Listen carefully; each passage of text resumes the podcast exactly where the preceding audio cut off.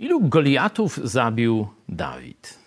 No, ktoś się uśmiechnie, takie proste pytania tu zadaje.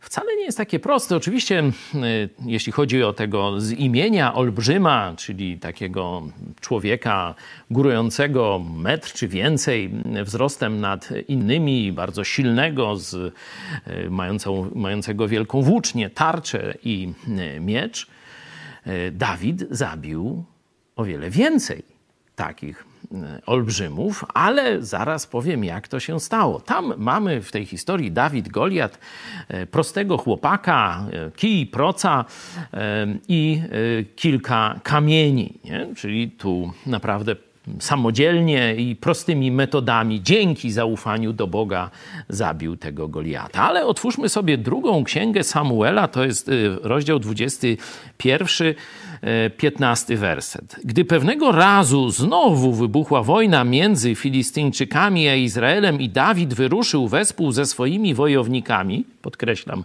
wespół ze swoimi wojownikami, aby stoczyć walkę z Filistyńczykami, a Dawid był zmęczony. Postanowił wtedy Iżbi z Not, potomek rodu olbrzymów, którego włócznia ważyła i tak dalej, i tak dalej, postanowił zabić Dawida, lecz Abiszaj, syn Serui, przyszedł mu, czyli Dawidowi, z pomocą, ugodził Filistyńczyka i zabił go. Czyli mamy kolejnego giganta, olbrzyma, którego, no nie sam Dawid już, ale zobaczcie, Dawid od tamtego czasu, kiedy miał tylko kij i proces, stworzył wspaniałą organizację, wspaniałą armię, i teraz, że tak powiem, tych olbrzymów, tych Goliatów załatwił więcej.